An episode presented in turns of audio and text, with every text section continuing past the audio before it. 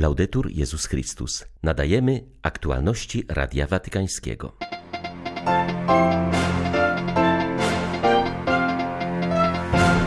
Ludzie niechętnie płacą podatki, jeśli nie ma przejrzystości w wydawaniu pieniędzy publicznych, zauważył papież, przyjmując na audiencji włoskich urzędników skarbowych.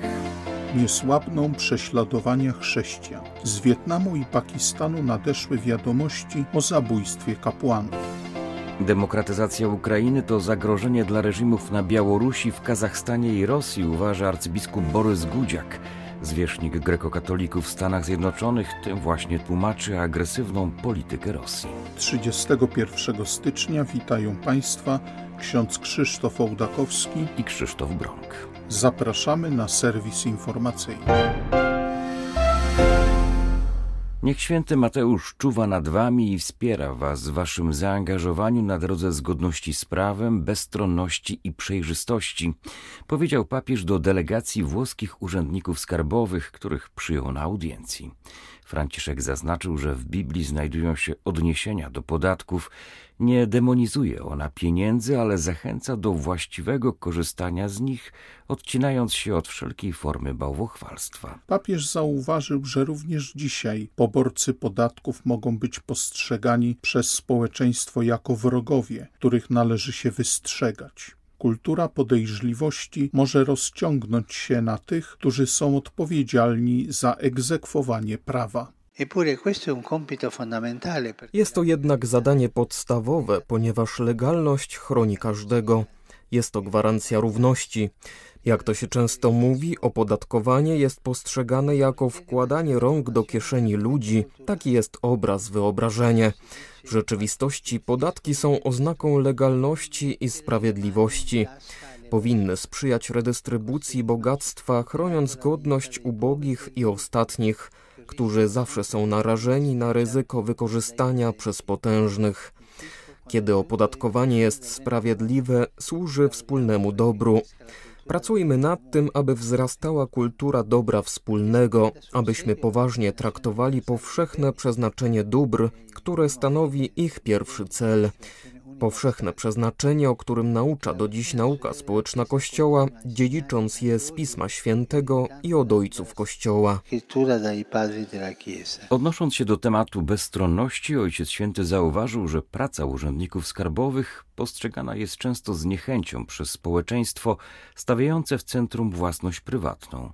Wielu ludzi szuka furtki, aby uchylić się od płacenia podatków.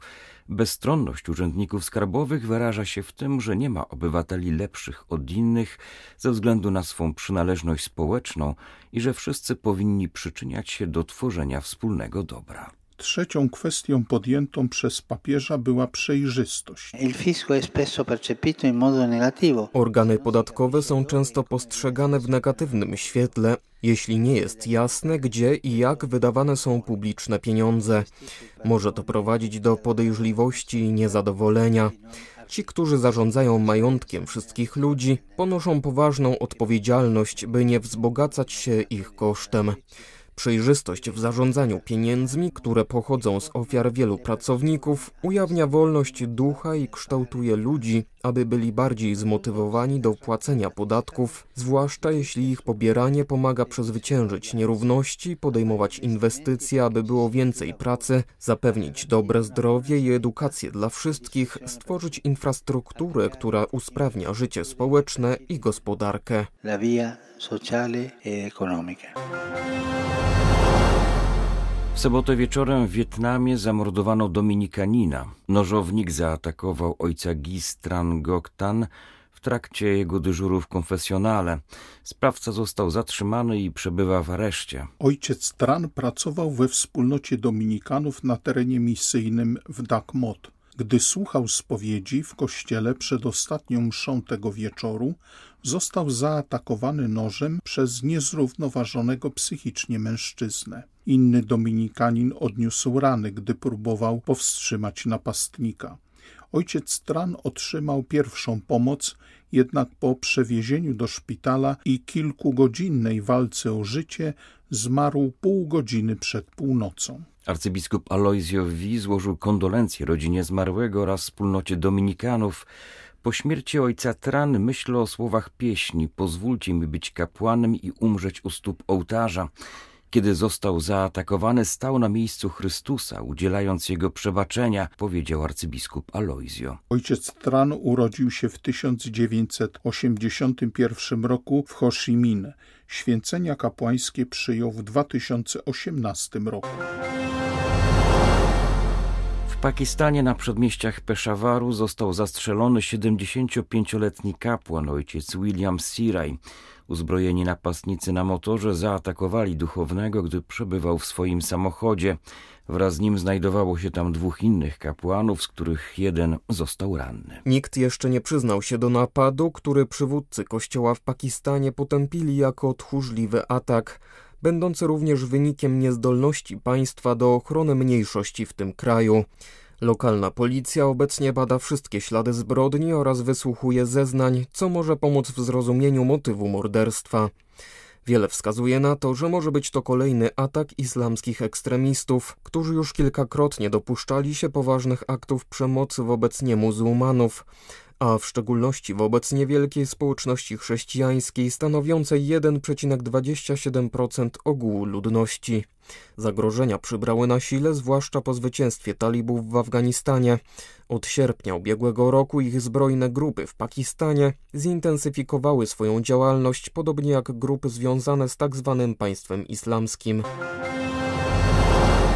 Wierzący uczniowie częściej osiągają sukcesy zarówno w szkole, jak i na studiach. Takie wnioski płyną z badań brytyjskiej socjolog, która na Uniwersytecie w Oksfordzie przedstawiła pracę na temat wpływu religii na sukces akademicki. Trudno ją posądzać o stronniczość, a tym bardziej o apologię wiary, ponieważ deklaruje się jako agnostyczka i propagatorka teorii gender. Socjolog przypomina, że jednym z elementów największego wsparcia dla młodych ludzi jest wiara.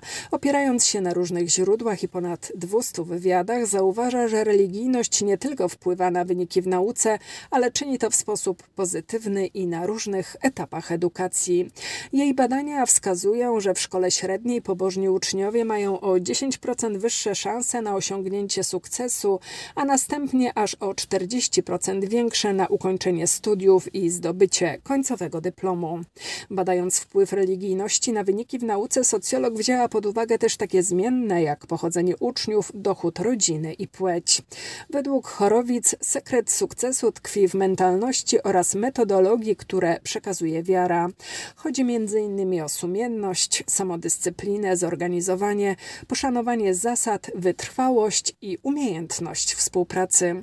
Wnioski wyciągnięte przez Chorowic potwierdzają wcześniejsze badania prowadzone głównie przez chrześcijańskich naukowców.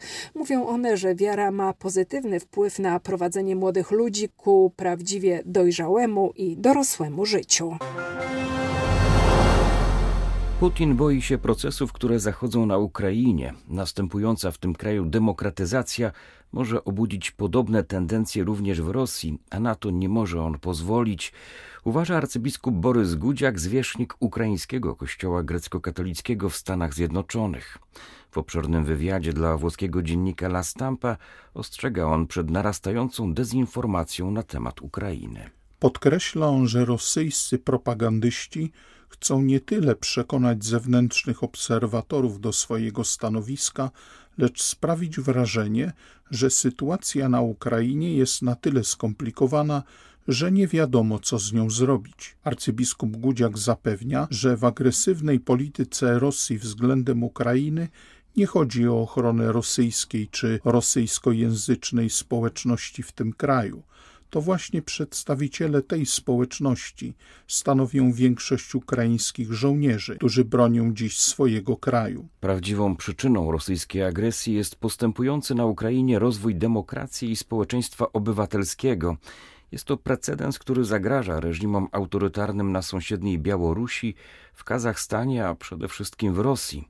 Rosyjska oligarchia wie, że ta świadomość społeczna może się szerzyć ponad granicami. Grecko-katolicki metropolita Filadelfii przypomina, że w 1991 roku Za niepodległością Ukrainy głosowało 91% jej mieszkańców. Kraj ten posiadał wówczas trzeci pod względem wielkości arsenał nuklearny. Zrzekł się go w zamian za rosyjskie i zachodnie gwarancje dla integralności swego terytorium. Kardynał Charles Bo wezwał chrześcijan Birmy, by byli narzędziem pokoju, które pomaga uleczyć zadane rany. Będącej u władzy huncie wojskowej przypomniał, że naród już dość wycierpiał i ma prawo do życia w pokoju.